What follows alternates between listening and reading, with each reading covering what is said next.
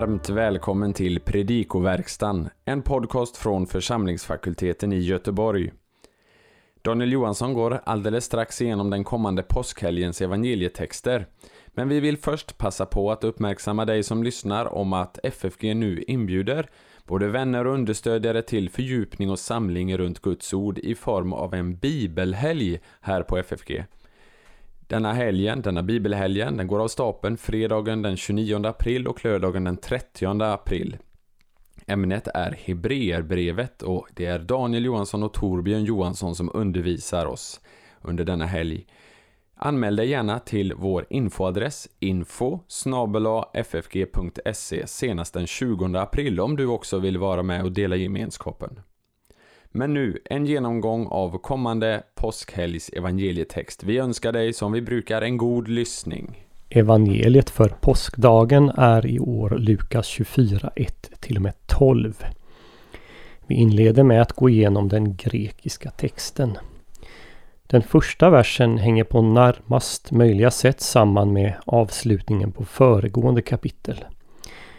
Även om Nestladan i sin utgåva sätter punkt efter 2356 tillhör den senare delen av den versen samma mening som den inledande versen i kapitel 24 genom en men de konstruktion som konstra, eh, kontrasterar stillheten på sabbaten med aktiviteten på den första veckodagens morgon.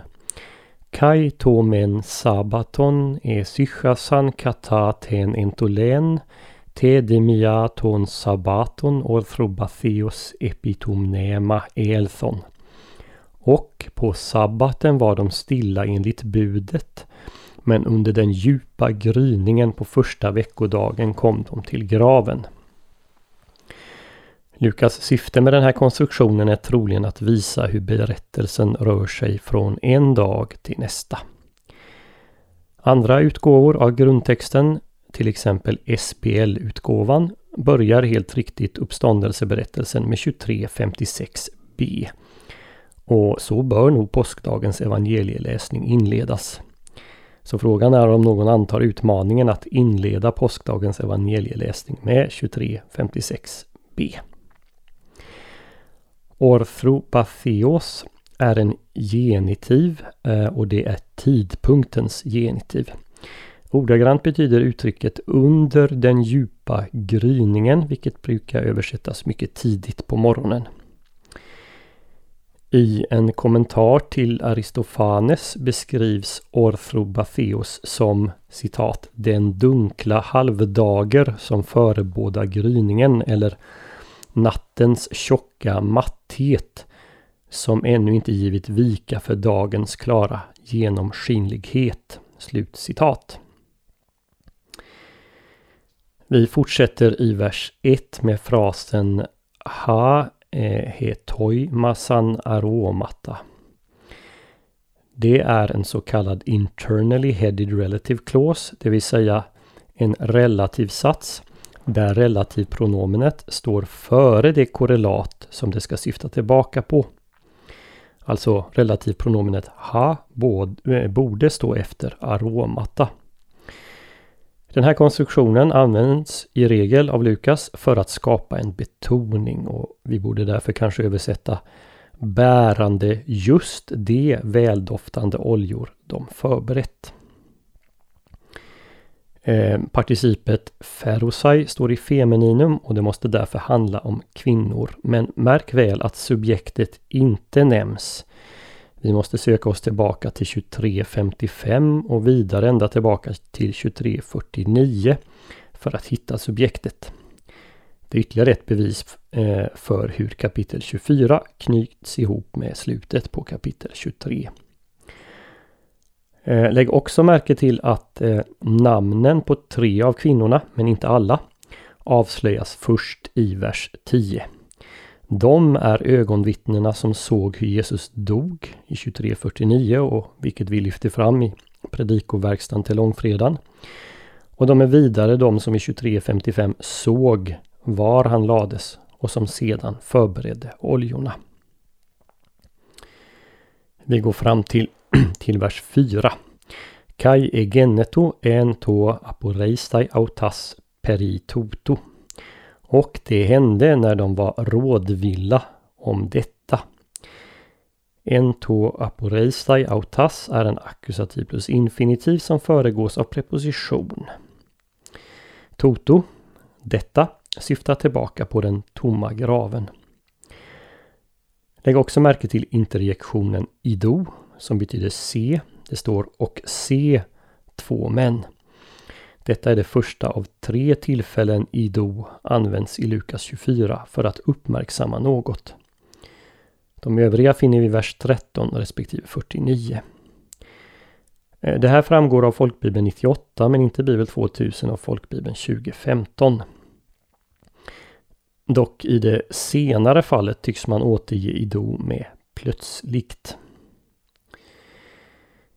Vers 5. Emfobon de genomenon auton kai glinoson ta prosapa. Det är en genitivus absolutus som består av två particip där det första står i aorist och det andra i presens. Antingen ska vi uppfatta dem som temporala eller kausala. Men efter att de blivit rädda och när de böjde sina ansikten till marken. Då tar vi det temporalt eller kausalt. Eftersom de blev rädda och böjde sina ansikten till marken sa de till dem, de två männen. I vers 7 noterar vi att ton hyon to anthropo står i ackusativ. Eh, men det bör inte bero på att det är objekt till verbet paradothenai. Eh, hotti står nämligen emellan detta människosonen och verbet. Och därför så borde ackusativkonstruktionen ton hyon to anthropo vara fråga om avseendets ackusativ.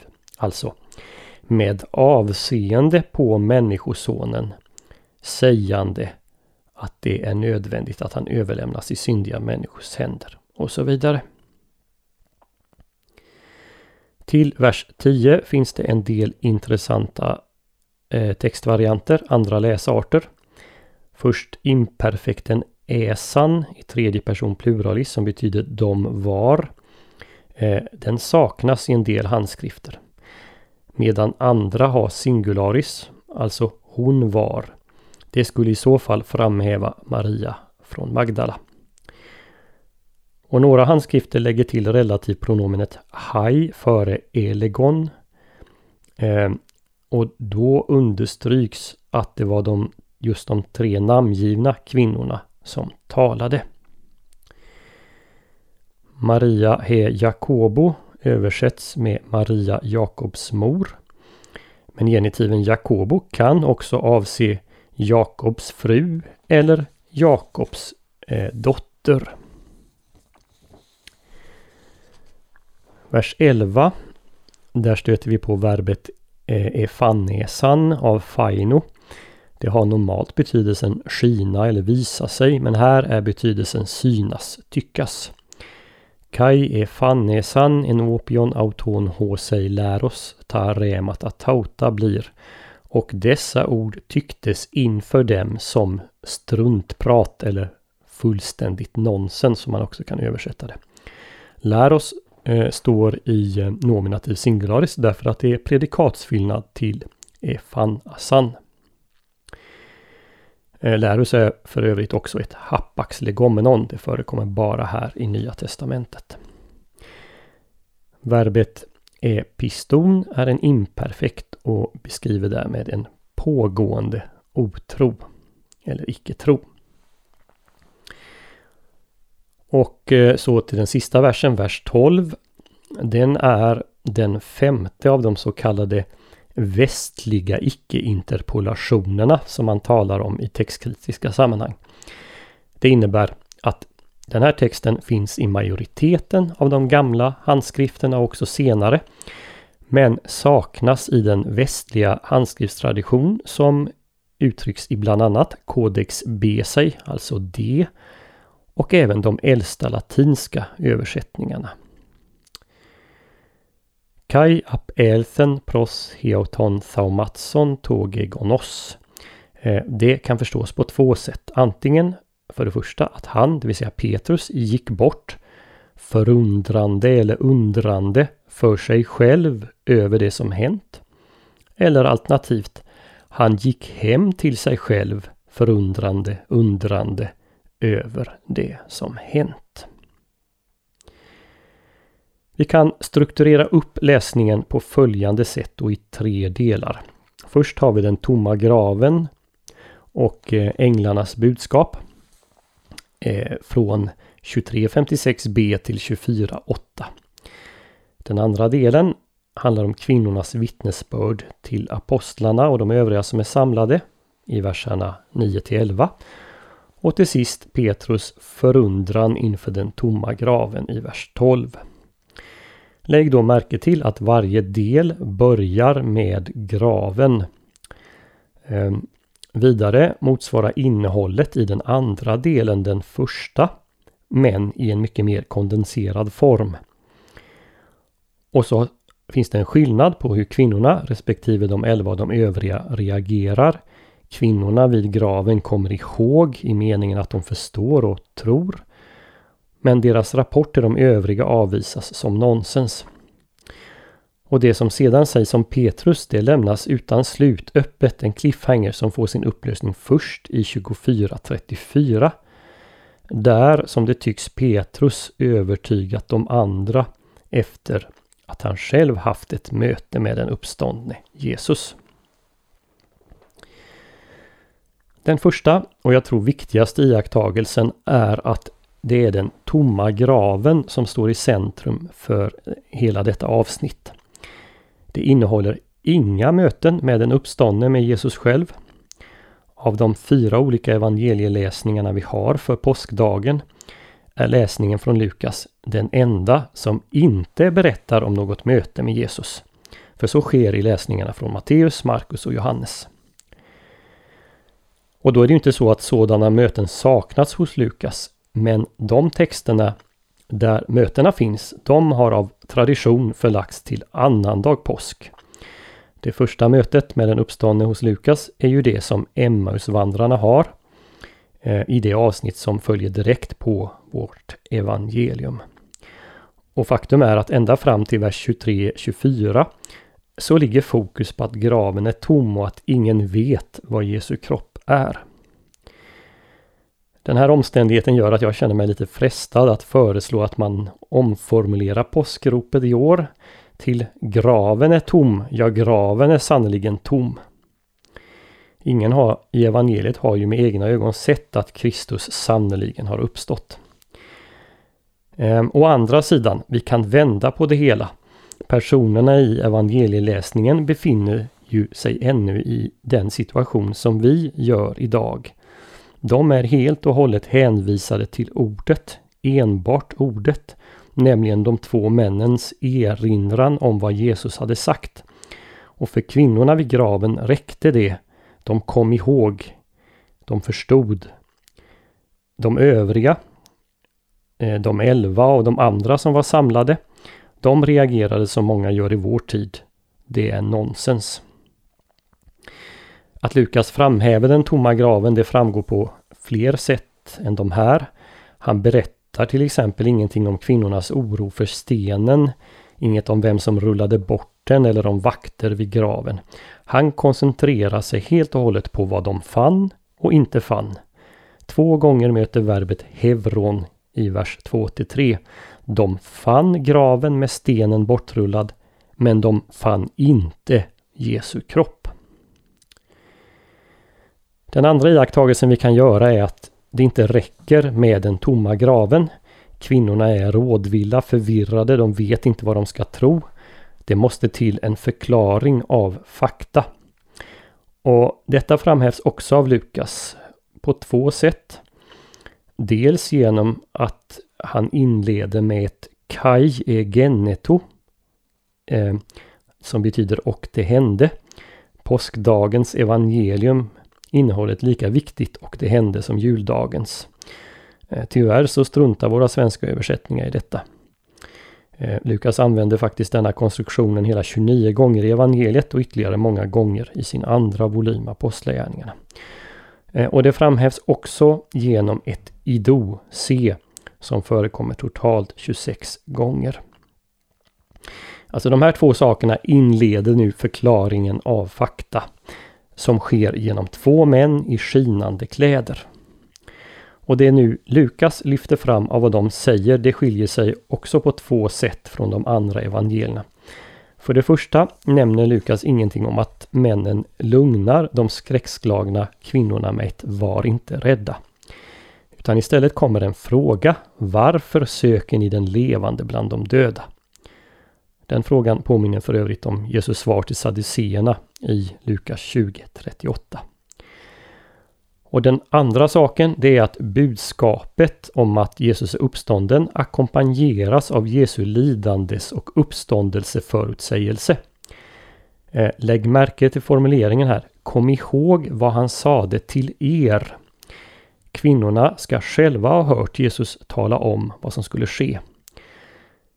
I Lukas kapitel 8, verserna 2-3 har Lukas nämnt att många kvinnor följde Jesus och två av de tre som nämns vid namn här lite senare nämns också vid namn där. De måste alltså ha hört till dem som hört Jesu förutsägelser som Lukas börjar rapportera med början från 9.22. Eh, och jag har återigen listat de här förutsägelserna i pdf-en till den här podden. Nu finns det en eh, viktig skillnad eh, mellan dessa Jesu förutsägelser och det eh, som nu sägs av de här två männen. Nämligen att nu nämns för första gången att Jesus skulle bli korsfäst. Jesus talade mer i allmänna ordalag om att han skulle bli dödad. Eh, men det har också varit ett tema hos Lukas i samband med de här förutsägelserna. Att han åtminstone vid två tillfällen noterat att lärjungarna inte förstod vad Jesus talade om. Se 9.45 och 18.34. Han säger att det var fördolt för dem. De kunde inte fattas. Eh, de kunde inte fatta. Men nu, nu påminns kvinnorna. Kom ihåg får de höra. Eh, de gånger eh, verbet mimneskomai, kom ihåg, används av Lukas och det är sex gånger. Så handlar det om att minnas något Gud har sagt eller gjort. Jag listar också de ställena i pdf-en till den här podden. Eh, och det här verbet inrymmer inte bara något kognitivt utan också förståelse. Kvinnornas reaktion påminner om Petrus i 22.61. Då kom han ihåg Herrens ord. Och på det stället använder Lukas ett verb som är besläktat, nämligen hyponimesko. Men kvinnornas förståelse här tycks gå djupare. De kommer ihåg, poletten trillar ner för den om man får uttrycka sig så slarvigt. Ehm, så vad vi har här, det är händelsen, det är den tomma graven, men den behöver tolkas. Och det understryks då att det som har skett är enligt Guds plan. Den gudomliga nödvändighetens di används. Och också Jesus har förutsagt allt det som skett många gånger. Då förstod de inte. Men nu börjar helhetsförståelsen gå upp för kvinnorna vid graven. Sen kan man väl notera när man läser Lukas 24 som heltid att det ändå tycks saknas kategorier för Jesu lärjungar och vänner att ta in det som sker. Ännu i vers 41 när Jesus är mitt ibland lärjungarna så blandas förundran med oförmåga att tro. När så kvinnorna återvänder till de övriga, de elva apostlarna och så står det de övriga och hit hör sannolikt de 72 som omnämns i kapitel 10. Eh, då rapporterar de om allt, det vill säga både den tomma graven och vad de har fått höra. Budbärarna vid graven hade påmint om Jesu ord och kvinnorna hade kommit ihåg. Men kvinnorna själva möts av en helt annan reaktion. Och här nämner Lukas särskilt de elva apostlarna och att det var just de eh, som bemötte kvinnorna med vad vi skulle kunna kalla ett drag av manlig överlägsenhet. Deras vittnesbörd tycktes dem som rent nonsens och de otrodde dem. Men Lukas nämner till sist ändå ett undantag och det är Petrus. Han springer bort till graven. Han får se ett tecken, linnesvepningen. Den har här nog samma funktion som det inlindande barnet i födelseberättelsen i 2.12. Och Petrus reagerar också. Han reagerar som folk har gjort på Jesu ord eller under. Eh, Lukas 4.22, 8.25 och så vidare.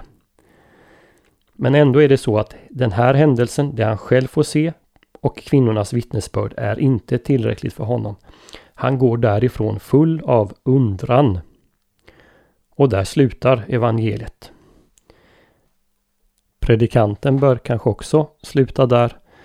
Så får folk anledning att komma tillbaka på annandagen för att höra hur det hela slutar.